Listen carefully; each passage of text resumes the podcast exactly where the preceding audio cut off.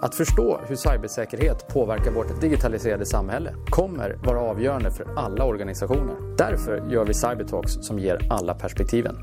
Jag heter Rolf Rosenvinge. Välkommen!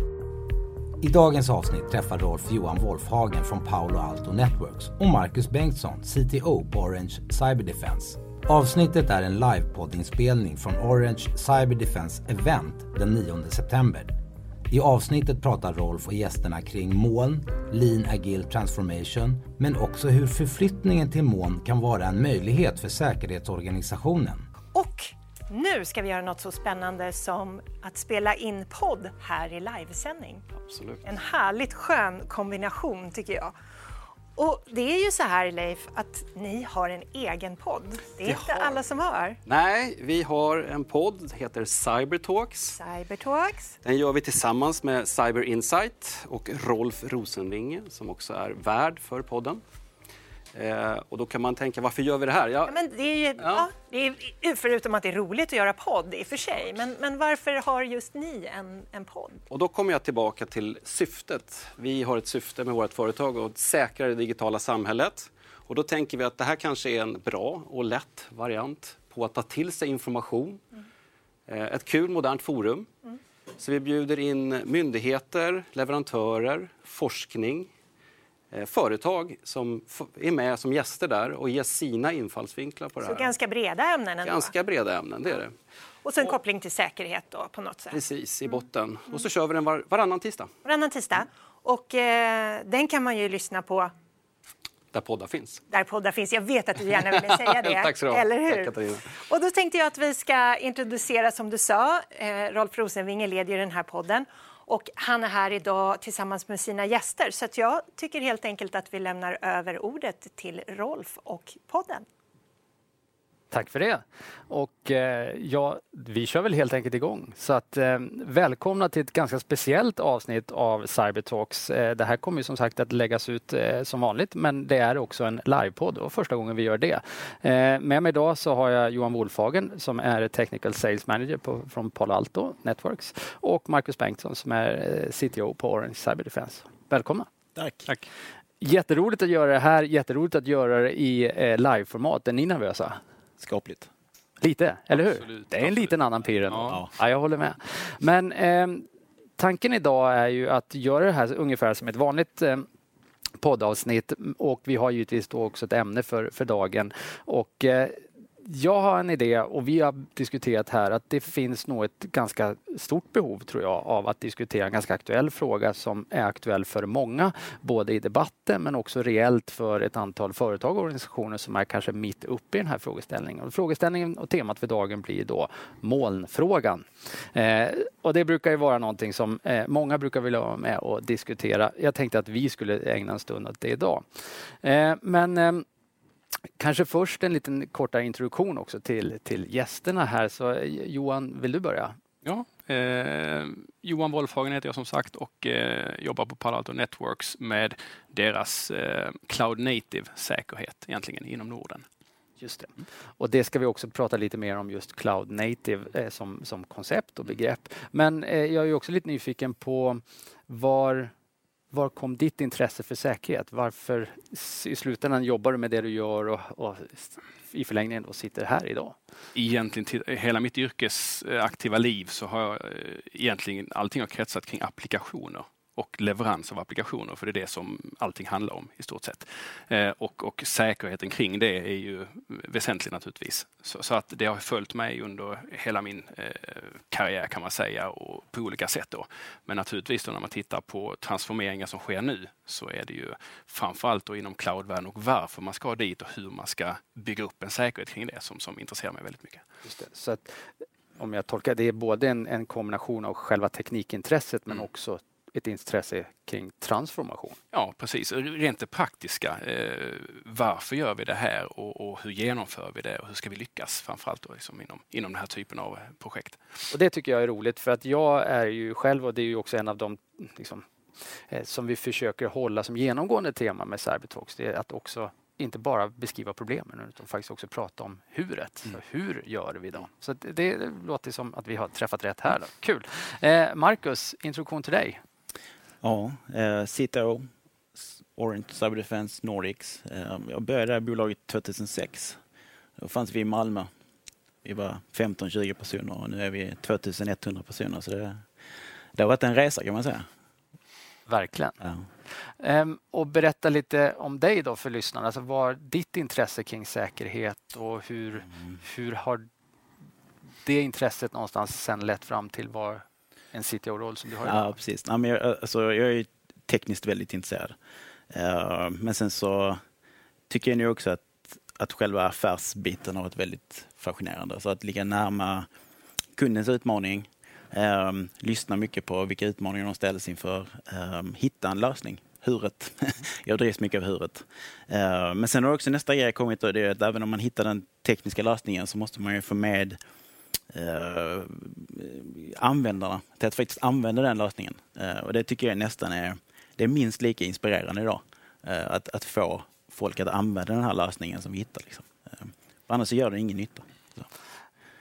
Bra poäng och eh, också relevant tror jag att få in i den fråga som vi, som vi har sagt att vi ska diskutera här. Då. Men innan vi kanske kastar oss in i själva contentet kring molnfrågan så tänkte jag också att vi kanske ska försöka zooma ut därför att jag upplever, och ni, jag är intresserad av er eh, synpunkt här också, men jag upplever ibland att vi ibland gör oss the disservice av att någonstans diskutera saker i isolation. Vi pratar om moln och sen pratar vi linagil transformation och DevOps och så vidare. Men min hypotes, och jag skjuter ut den som en fråga, eh, hänger inte alla de här sakerna ihop? Är det inte så vi måste prata om det också? Tänker jag. Jag håller absolut med. För, för i, grund och botten så handlar ju allting om att företag ser att vi måste jobba snabbare, vi måste kunna konkurrera på ett annat sätt och det gör vi genom innovation. Eh, och, och, det går från att man måste sätta eh, egentligen foten, sätta ner foten och styra hur gör vi våra projekt? Hur går vi från traditionella sätt att göra stora, långa projekt till mer agilt tänkande? Hur för vi in det i organisationen? Och från ett applikationsperspektiv så rör det mycket kring att de här stora monolytiska applikationerna ska bli microservices för att kunna snabbt kunna göra förändringar och så vidare och addera värde eh, bättre. Och sen så går man till organisationen i sig som är eh, den jätteintressanta frågan. Det är faktiskt att människor måste börja jobba annorlunda. Eh, från att jobba i silos till att göra sin sak på sin tid till att man faktiskt måste jobba tillsammans hela tiden genom det. Så det, det är det som, det är den, alla människor måste ju lära sig sitt jobb igen på nytt i stort sett. Så det är ett jättestort eh, undertag liksom, att, att, göra det. Och sen då liksom hur man ska jobba de här öppna modellerna. Så allting där hänger ju ihop där man måste ha ja, men ledningen och neråt till att gå med på det här och faktiskt göra detta 100 procent. Annars så ser vi misslyckande. Delar du bilden, Marcus? Eh, är, är det Ska man hacka elefanten och ta dem var för sig eller behöver vi ibland zooma ut och, och diskutera det på det här sättet också? Alltså vi behöver eh, zooma ut jättemycket. Alltså supermycket. Liksom. Det, är, det är bara att inse liksom att eh, in, innan så gick utvecklingen ganska långsamt eh, jämfört med hur det går nu. Då. Eh, och, och, nu har ju liksom tempot ökat och, och, och, businessen följer med det tempot för att kunna möta konkurrensen. Liksom. Och om inte alla andra stöttande verksamheter runt omkring hänger med i den diskussionen, det vill säga man zoomar ut och är med i diskussionen, så, så tror inte jag man kommer att lyckas. Så enkelt är det. Så mitt påstående blir då att både själva molnfrågan och lean agil transformation, DevOps och så vidare måste vi som security practitioners och för den del technology practitioners kunna också bli bättre på att förklara för verksamheten. Mm. Oavsett om det är ett företag eller en offentlig verksamhet. Att, att de här delarna hänger ihop och är en del av den förflyttningen som vi tillsammans vill göra mm. för att kunna bli snabbare och utveckla vår verksamhet snabbare. Ja. Är, det en, är det en fair sammanfattning? Absolut, men jag tänker att vi, vi tre bestämmer oss för att vi ska bygga nästa app vi ska liksom, vi, har världens idé. Och sen så tar vi in några utvecklare och så bygger vi, börjar vi bygga den. Det är ju vi, vi är ju affären. Och vi kommer ju veta liksom att den, den appen måste vara säker. Mm. Den måste vara tillgänglig, den ska skala. Vi måste kunna göra förändringar snabbt. Vi måste kunna anpassa den utifrån nya konkurrenter som dyker upp på marknaden och så vidare. Och då, då tar ju alla vi de besluten tillsammans och då har vi den här paraplysynen, eller hur? Men hur skalar du ut i ett bolag som är 100 000 anställda? Och hur, hur, hur behåller du den kulturen? Mm. Det, jag tror det är egentligen det som... Jag, jag funderar mycket över den frågan. För det, det är där jag ser att många av våra kunder och, och vi själva också faktiskt till viss del sliter. Att hur behåller man den här dynamiken men sen samtidigt skalar upp den utan att tappa dynamiken? Det, det, det är en svår fråga tycker jag. Mm. För där samtidigt, om vi då säger att nej men, vi gör det här tre tillsammans, men jag vill bara prata med er på fredag förmiddagar då ser vi direkt att då kommer det fallera på ett annat sätt. Så om inte vi har ett fungerande samarbete där vi konstant kan göra eh, det vi ska göra så, så, så blir misslyckandet. Och multiplicera det med stora organisationer så ser man ju problemet direkt. Och det här tycker jag är spännande. Ehm, och också för att i slutändan så vill vi ju, tror jag, alla, både security och technology practitioners, ha impact. Vi vill ju se till att den där appen som du pratar om blir verklighet. Och då är min fråga, så varför varför har vi så lätt att både komma på, definiera och prata vårt eget lingo som faktiskt blir relativt exkluderande? Vi pratar cloud native, vi pratar shift left och så vidare. Ehm, är det, är det nödvändigt för att vi behöver förstå vad vi menar med saker och liksom kunna beskriva det? Men hur, hur får vi då med affären? Och vi kanske ska ta två sekunder också och bena ut några av de här. Eh, så att säga. Men, men den första frågan blir lite grann, hur gör vi med, med, med vårt lingo då? Ehm, för att verkligen åstadkomma det där, att vi jobbar tillsammans. Mm. Alltså, ehm, hela vår bransch måste ju ändra sin lingo till att fokusera på affärsnyttan.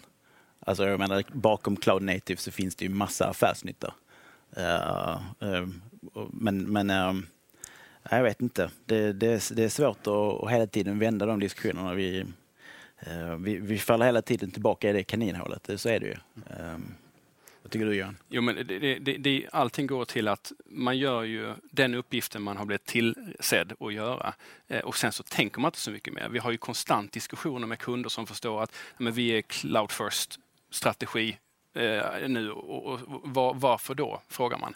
Eh, och de vet inte, ja, sänka kostnaderna kanske. Och liksom så att man har inte ens inom sin organisation och inom grupperna så förstår man inte riktigt varför man gör det man gör heller.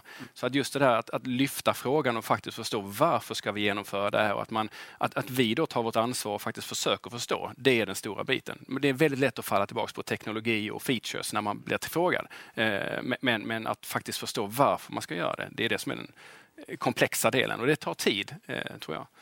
Nej, men, och, och, sen så kanske vi komplicerar eh, ibland den här frågan ytterligare med att det finns ett antal osäkerhetsfaktorer runt, om vi nu tar moln som fråga till exempel, det finns ett antal osäkerhetsfaktorer. Alltifrån vad egentligen, vad, vad, vad säger våra mellanstatliga avtal till vad säger våra politiker och, och, och så vidare.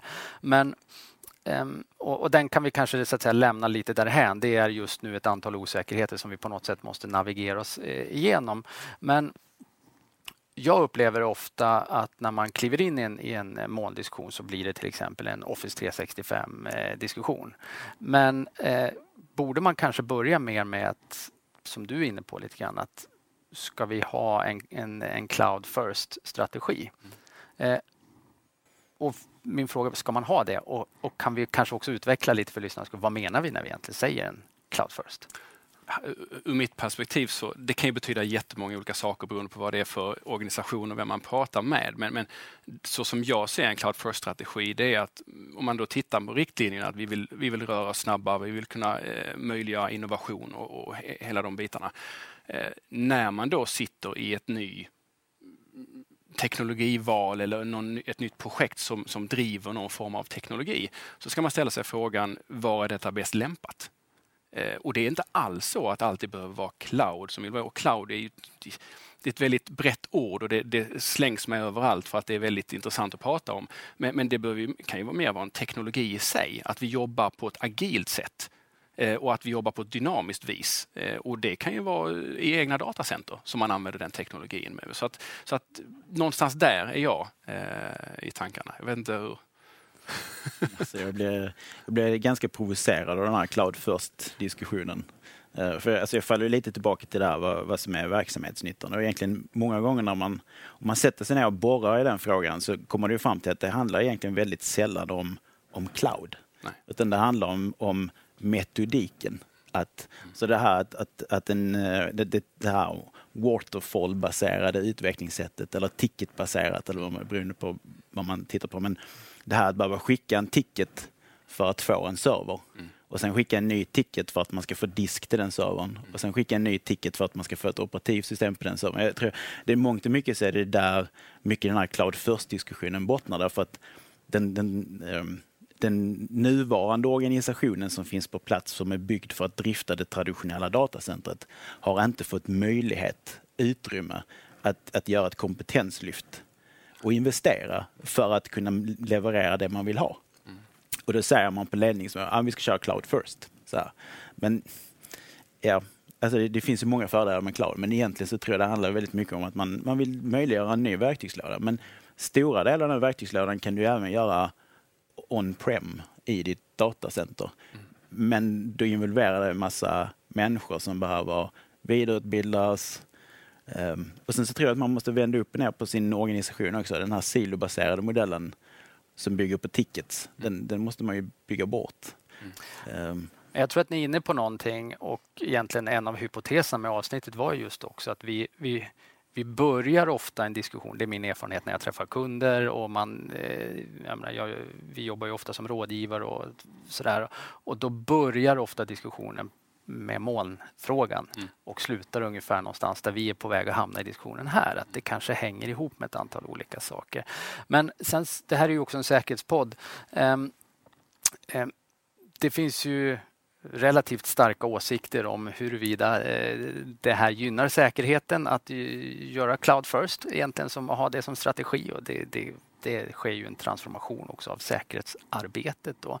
Eh, och det finns ju kanske de som är mer konservativa och säger att ja, men det är fortfarande en väldig väldigt massa osäkerheter i framförallt i hur vi gör förflyttningen som gör att vi kommer leva med en förhöjd risk under en sån transformation. Men det är jag lite intresserad av att, så att säga, höra er take på hur är det här är en cloud first en möjlighet eller ett hot för säkerhetsorganisationen om dess syfte är att hålla organisationen säker? Jag ser det som en jättestor möjlighet. Eh, och, och, eh, mycket av missförstånden där skulle jag säga handlar om att, eh, ur mitt perspektiv, handlar om att i och med att eh, det har varit fullt fokus på att komma i cloud hets till att komma i cloud till varje pris. Eh, och där någonstans har man tappat bort säkerhet. Eh, och framförallt då så tittar du på, på verktygen som finns för cloud native så är det ju, det kommer nya varje vecka. Och I hela den processen så har verksamheten tryckt på innovation och snabbheten och så har man tagit sig an väldigt, väldigt, väldigt mycket olika verktyg och teknologier. Och där någonstans har man tappat kontrollen. Så, så, vikten av att man tar ett steg tillbaka och tittar faktiskt på hur får vi ihop det traditionella tillsammans, alltså hela infrastrukturen tillsammans med våra cloud och med utvecklare för att liksom få liksom en, en, visibilitet utifrån och in istället för att man liksom bygger det på multipla olika teknologier. Det tror jag är nyckeln eh, och, och, där någonstans eh, kan man komma vidare. Marcus, din take? Alltså jag, jag tycker det är en enorm möjlighet att gå cloud first, men jag tycker det, det um, jag tycker att många fantastiskt duktiga tekniker där ute får ehm, de får lite skugga på sig för att man säger att ni är inte cloud ready och vi måste gå cloud och sådär. Men alltså titta på det. Eh, IT-säkerhetsgänget, de, de, har en uppgift, eller de har tre uppgifter. De ska se till att, att man inte får böter, att man är compliant. De ska se till att man reducerar antalet sårbarheter och så ska man i bästa fall också detektera om någon har tagit sig in. Så här liksom. Om man då tänker sig att man bygger upp verktyg, strukturer och processer för det datacentret. Och så plötsligt så dockar man in en cloud-infrastruktur. Och det finns liksom varken, ingenting av det man har, varken kompetens, arbetssätt eller verktyg är anpassat för cloud. och så säger man att ah, men ni är inte redo. Mm. Ah, men vilken chans har de haft? Mm. och det är där jag liksom tycker att vi är lite, lite väl um, tuffa i vår bedömning. Så att, nej, så, så, jag, jag, tror att det är världens möjlighet jag tror att det, det kommer att ordna sig. Men i transformationen kommer det finnas risk. Mm. Nej, men för jag tror att det är också viktigt att prata om det på det sättet att ja, alltså trans all transformation innebär risk oavsett om det är molntransformation eller inte. All transformation innebär risk och det vet vi ju sedan gammalt. Menar, eh, all förändring innebär risk. Eh, det är bara att mäta på change-processer och, och incident-tickets kopplat till det och så vidare. Så det vet vi ju. Så att säga. Men, men ligger inte en hel del av det här ansvaret att bli redo att stötta transformationen på oss som säkerhetspractitioners. Om, ska vi inte helt enkelt bara förutsätta att det här kommer att komma och redan idag börja anpassa så att vi inte hamnar i efterhand? Alltså det är ju det som är den här omskolningsutmaningen. Då. Mm. Alltså dels är det ju Det har vi pratat om flera gånger redan den här dagen. Eh, men det är svårt att hitta mer folk. Ehm, är, att, att rekrytera upp är, är lurigt. Eh, och sen så sitter vi ju redan med en stor infrastruktur som vi måste ta hand om. Eh, som egentligen underbygger hela affären på, hos våra befintliga verksamheter i Sverige. Ehm, och att då lyfta duktiga människor eller för, människor som vill förändras eh, och lära sig nytt ut från den verksamheten för att bygga någonting nytt. Det är ju det är en enorm låsning. Det är som ett, det är som ett ryggskott. Liksom. Eh, hur, hur, tar man, hur tar man sig ur den låsningen? Jag tycker det, det är jättesvårt. Liksom. Mm, mm. Um. Och, och tittar man en gång tittar man på beteendet som vi har eh, Eh, och, och, företag också har, så ser man att det man skriker efter, det man vill ha, det är, det är eh, utvecklare och analytiker som sitter och faktiskt jobbar väldigt praktiskt ner i djup teknologi. Eh, men det är väldigt sällan man sitter och tittar på hur ska vi faktiskt ha någon pragmatiker som ska föra in det här i organisationen och hjälpa till. Eh, och där någonstans är liksom det, det beteendet som vi måste bli av med. Och så det är som sagt det är genom hela eh, organisationen och alla egentligen, vi som jobbar med det och, och företagen måste liksom förstå den delen och liksom knyta loss och börja jobba och samarbeta. Precis. Um, och om vi då för resonemanget skulle i alla fall fortsätter tanken att men det här kommer vara en transformation som alla ska igenom. Sen finns det för olika typer av organisationer lite mer osäkerheter som gör att det här kan gå olika fort. En del är redan där och har en uttalad cloud first och en del står så att säga fortfarande i startblocken och har liksom inte riktigt fått upp den organisatoriska aptiten, om vi ska kalla det så. Men eh, ni jobbar ju med, med kunder med de här frågorna dagligen. Så vilka är de största learnings? Var är det lättast att det går fel? Vilka finns det områden? Jag tänker till exempel Identity and Access Management eh, vars betydelse kanske ökar. Och, och så. Kan man ringa in några områden som man definitivt behöver ha fokus på? Vad är det? Ja. Jag tycker det är en jättestor fråga och det finns väldigt mycket intressant att prata om där. Men, men tittar vi generellt då, om vi säger eh, den nya då mer snabbfotade världen och man pratar mycket cloud och, och utveckling. Så det I och med att man tar kontroll på den och vet vad man faktiskt behöver. Det är väldigt svårt att veta vad en utvecklare behöver. Så att man ger dem superadmin till i stort sett allting. Eh, och där kan de sitta och jobba och göra väldigt mycket som man har väldigt lite visibilitet på. Eh, och, och tittar vi sen då på, på kända eh, incidenter. Tesla, Uber och så vidare. Och jag vet faktiskt inte med Garmin, men jag kan bara anta att de följer samma beteende. Det är att någonstans i, i eh, attackkedjan så har det varit ett GitHub-konto med namn och lösenord som har blivit hackat och det eh, kontot hade för mycket eh, rättigheter man hade access till för mycket helt enkelt. Så att, så att förstå då egentligen vad är det användarna gör, vad har de access till och hur fungerar våra, alltså compute, hela lagret, hur fungerar det och titta efter anomalier och, och, och, och jobba med det och kunna säkra upp det. Det är en jättestor fråga och väldigt viktigt. Ändra sättet att arbeta. Det gör så snabbt. Mm. Så om man, om, man, eh, om man kör någonting i långbänk så är det gammalt innan det ens har blivit färdigt. Så, så alla sätt att att arbeta, alla verktygen som man implementerar, hela, hela mindsetet måste bygga på att, att man jobbar i princip i realtid. Mm. För det, det, och det är det som jag säger, att det är det som är den stora förändringen. Dels i nya funktioner som släpps på de här cloudplattformarna. släpps ju säkert tusen nya funktioner på de här tre stora cloudleverantörerna mm. varje år. Hur ska man då som säkerhetsorganisation hålla koll på dem och hur, hur många av de tusen använder man? Alltså, och, det, eh, och då finns det inga processer som säger att man först måste checka ut den funktionen, oftast inte i varje fall, utan de dyker upp på alla håll och kanter. Liksom. Så jag tror att man som organisation så måste man inse att man måste ligga väldigt nära eh, vad som händer eh, och se till att man har verktyg och sätt att jobba som hela tiden berättar för en att, att nu har det skett en ändring som ni behöver fundera över. För, för det, och det, det skiljer sig fundamentalt från hur vi har jobbat innan. Med att i princip uh, skulle man ha en brandvägsöppning i ett traditionellt Enterprise-bolag så kanske till och med var tre personer som tittade på den av olika anledningar innan den blev genomförd.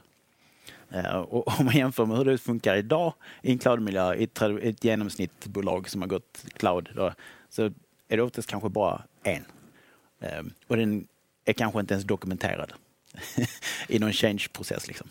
Men, och jag tror att det här är ju just det här är ju en av de absolut viktigaste sakerna och egentligen många gånger upplever jag när vi pratar om cloud och kanske oron inför cloud så är det egentligen det här som är den egentliga oron. Att, att det finns en inbyggd kontrollförskjutning Mm. som egentligen innebär att om vi som säkerhetsorganisation fortsätter att jobba på vårt traditionella sätt så kommer vi gradvis och relativt snabbt, mitt påstående, förlora den här kontrollen som vi har jobbat så hårt för att komma upp. Eh, håller ni med om det?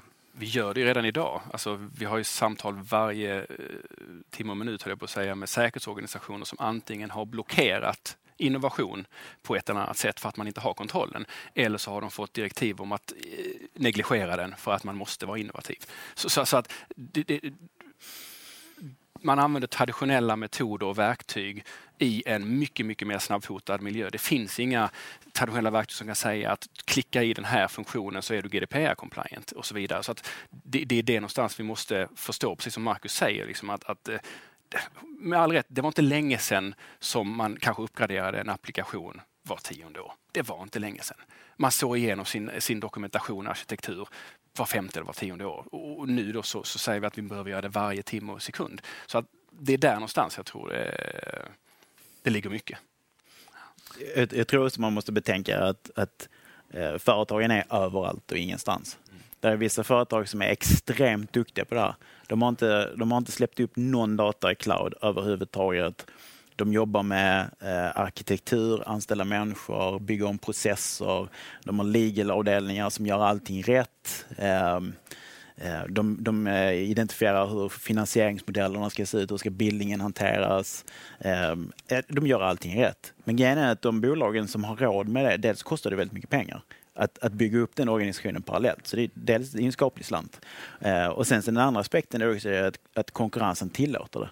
För, för, för de andra som befinner sig längst ut på andra sidan, det är ju de som har bestämt sig för att om vi inte gör någonting här och nu så kommer vi att, eh, att försvinna från marknaden. Vi måste helt enkelt skydda vårt bolag, alltså vår affär. Så här. Och, då, och det, det, man gör då, det är ju att då, då gör man ju, så, då gör man ju ett, eh, en, ett, eh, en joker som säger att ni får lov att göra vad ni vill. Bara ni ser till att vi har den här produkten färdig den här dagen. uh, och, och, det behöver i, i sig inte vara dåligt, men det är ytterligheten på andra sidan. Um, och, och, och, så pendlar det här emellan liksom, konstant. Liksom. I den här diskussionen då och kanske apropå en del av de här buzz, buzzwordsen som vi pratade om tidigare så skulle jag vilja peta in shift left konceptet i den här diskussionen. Um, ska vi kanske också bara för lyssnare, kanske för de som inte är helt säkra på vad, vad menar vi egentligen när vi säger shift left?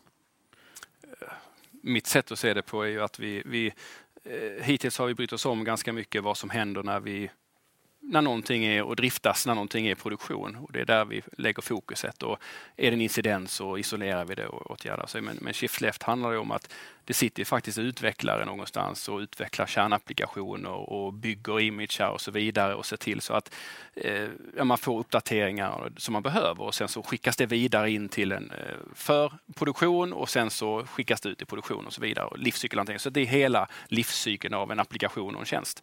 Eh, och Shift Left är ju att vi så tidigt som möjligt där när man faktiskt sitter på en laptop som utvecklare och man laddar ner koder från olika typer av open source-projekt och man använder olika produkter man kodar själv. Redan där, när man bygger det, så ska vi kunna säkerställa, är jag säker? Är jag compliant? Har jag processerna i ordning eller är det någonting som jag ska backa härifrån innan jag skickar det vidare in i den här pipelinen då som vi brukar kalla det för. Och det, det är shift left för mig att vi tidigare ska kunna lösa det, för där kostar det inga pengar i produktion. Det är där det kostar pengar. Så, så att hur ska vi så tidigt som möjligt kunna ta hand om allting och se till att vi, vi gör enligt eh, Ja, enligt policy. Du menar att det kostar mer pengar att ändra i produktion? Ja, precis. Ja, precis. Eller, eller om man gör ett misstag som kostar en incident? Ja, ja, det är trovärdighet för företagen, det är kostnader för åtgärder och så vidare. Så att man vill miss, det, det vill du ta bort så mycket som möjligt av och därför hur tidigt kan vi faktiskt se till att säkerheten är, är, är skapad och att vi kan fortsätta hela vägen.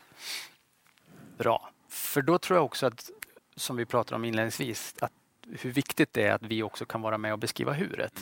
Mm. Um, så hur löser vi? Om vi, nu, om vi har etablerat att vi tror att alla kommer hamna i en cloud first förr eller senare. En del är redan där, en del är på väg och en del väntar lite till av olika anledningar. en genomgående utmaning tycker jag för många säkerhetsavdelningar, inklusive jag själv när jag varit CISO, eh, det är ju det här med kontrollen och det upplevda behovet av fortsatt kontroll. Och sen den här ständigt återkommande diskussionen om att vi har svårt att komma in i frågan tillräckligt tidigt. Vi blir ofta nej-sägaren på slutet. Mm. När vi då säger att, att molnförflyttningen och hela den här linagila transformationen kanske faktiskt ska ses som en möjlighet. Är det inte precis här möjligheten finns? Att faktiskt komma in i shift left mm. och få vara med där. Är det inte det vår allra största möjlighet kanske som security practitioners som vi har haft på väldigt många år? Mm. Mm. Alltså det, det, det, det, min enda uh, tanke där, det, det, är den enda lösningen. Så här, uh, alltså för det är ju den här organisatoriska grejen igen. Alltså säkerhetsavdelningen, SISUns högra hand, måste ju liksom få tentakler ut i de här gängen. Mm. För grejen är att de, de skriver ju inte bara koden. Det är därför det där DevOps-buzzwordet är så populärt. Det är ju ett if you build it, you run it. Mm. Och jag menar, i, i sak är inte det så dumt därför att om man bygger en applikation och man samtidigt känner att man har ett driftsansvar för den applikationen och den underliggande infrastrukturen, då finns det nog en större sannolikhet att man tänker på kvaliteten också. Och förmodligen också på säkerheten. Så, uh, och så innebär det att de här utvecklarna har ett ganska de har ett stort ansvarsområde. De ska inte bara bygga koden utan ska också konfigurera infrastrukturen då. Mm. Ehm, och även se till att man kan rulla ut och skala upp det. Så här. Och då måste ju liksom säkerhetsavdelningen shift left, för utvecklingsavdelningen de sitter till vänster säger vi då. Så, så, så, så de måste ju dit liksom. Um, det, det, är det enda sättet. Mm. Och likadant där så finns det ju många av de utvecklarteamen som faktiskt bär ett säkerhetsansvar de hålls ansvariga för säkerheten rent praktiskt. Men i realiteten så är det ändå säkerhetsorganisationen och CISON som sitter med det. Men någonstans, hur delar vi ansvaret och hur faktiskt får det fungera i praktiken? Och det är precis, och det är det är min fråga här och en av de viktigaste frågor som jag ville ställa till er. Så, så hur blir vi som säkerhetspractitioners då relevanta mm. för de här utvecklarteamen och faktiskt tar den möjligheten som Shift Left innebär? Hur gör vi? Vad, vad, är det för kompetenser? Vad är det för arbetssätt? Hur, hur, hur gör vi oss relevanta? Jag, jag, tror mycket handlar om dekommunikation och att vi, vi eh, öppnar upp just den nyfikenheten som du pratar mycket om här idag, att, att vi, vi, ska förstå. För att det blir mycket att eh, säga att det kommer en, en, traditionell säkerhetsorganisation och pratar med utvecklare och säger att ja, jag ser att det kommer in trafik och ut ur trafik ur din miljö, men det är ett svart hål för mig. Då säger de, ja, men bry dig inte om det. Det är precis som en vanlig applikation. Du behöver inte se allting i det här utan lita på mig. Jag löser det. Eh, och, och, i deras värld så löser de det och de har jättebra visibilitet. Men det, det, är inifrån och ut. Man sitter på väldigt låg nivå och teknisk nivå och, och har kontroll. Men det finns inget, inget utifrån och in-perspektiv där man kan härda säkerheten och förstå det och hur ser hela infrastrukturen ut eh, och kunna rapportera in på det och så vidare. Det är den delen som eh, öppnar man upp den dialogen och får den dialogen så man förstår att faktiskt, vi är inte här för att vi ska kontrollera dig, vi är här för att vi ska möjliggöra att du ska kunna jobba ännu fortare och skapa ännu mer innovation. Där tror jag någonstans är nyckeln. Eh, men det är svårt, det är väldigt obekvämt att sätta sig in i de diskussionerna och det är väldigt svårt att få audiens också för de diskussionerna. Men jag tror det, det tror jag är nyckeln alltså en, en del av våra kunder de, de, de väljer ju verkligen att ändra på sin organisation och, och bygger ju mer DevOps-orienterade. De, de bryter ju sina silos då. Uh, och jag tror att i, i alltså dels, uh, dels så måste ju säkerhets vi, vi måste på något sätt acceptera att ibland så kanske utvecklingsgänget har bättre koll på vilka verktyg man ska använda och, och hur man kan använda cloud native-funktionerna eh, för att faktiskt åstadkomma den säkerheten som vi vill ha. Och så kanske vi som säkerhetsorganisation måste ta ett steg tillbaka och säga att ja men okej, då gör vi som så här att ni ansvarar för att se till att ni åstadkommer den säkerheten som vi har kommit överens om. Det, vårt ansvar som säkerhetsavdelning, det är att säkerställa att ni håller innanför de ramarna. Liksom. Eh, för, för jag tror att den här detaljstyrningen som vi har haft historiskt, den, den, den tiden är förbi. Utan det, det, är utvecklarna som kommer att behöva ha väldigt mycket större utrymme därför att det är de som har kunskapen om hur man bäst säkrar upp sin kunddata med krypteringsnycklar. Liksom. Det, vi löser inte det med en IPS längre och så vidare. Så, så liksom de, de måste få ett större utrymme. Samtidigt måste CISOn då, som har ett skapligt kontrollbehov därför att det är den personens uppgift, liksom, eh, ha verktyg och sätt att ändå liksom kunna avgöra, liksom, håller vi oss innanför de här ramarna som vi anser vara rimlig risk? Liksom. Mm. Tiden går fort. Eh, jag har ju några frågor som jag eh, ändå också känner att jag måste passa på att ställa nu när jag har er här. Eh, jag är ju också nyfiken i hela den här transformationen som vi är inne på, som, där moln är en komponent i det. Men så händer ju en hel del, eller för att inte säga väldigt mycket också, liksom på teknikområdet. Både, Eh, eller framförallt också, så här, tänker jag, vilka är de teknikområden och även tänker jag säkerhetsteknikområden som vi som säkerhetspraktitioner behöver säkerställa att vi har bra koll på inför morgondagen. Var sker den mest spännande innovationen? Var finns det möjligheter för oss att också accelerera den impact vi har som, som säkerhetsorganisation? Alltså i min värld så är det ganska enkelt, det är ju identiteten.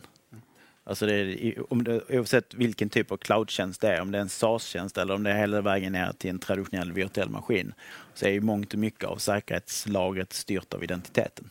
Eller kanske secreten då. Alltså man, men, och det ser man också de incidenterna som du refererade till. Många gånger säger är det att man har, man har skickat upp användarnamn och lösenord till sina konton direkt i, i koden. Eh, så alltså det, det är där eh, det, det kommer vara där mycket av slaget står. Liksom. Mm. Och, och cloud-tillverkarna gör inte det lätt.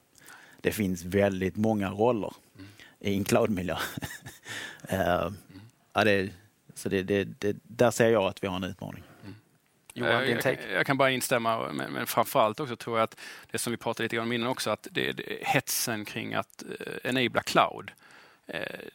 Den får inte, man får inte försumma säkerhet i den. Och, och, det kan ha varit så att initialt har säkerheten blivit försummad för att man inte haft tillräckligt med verktyg och förståelse hur man ska hantera det. Men det finns nu väldigt bra möjligheter att göra det.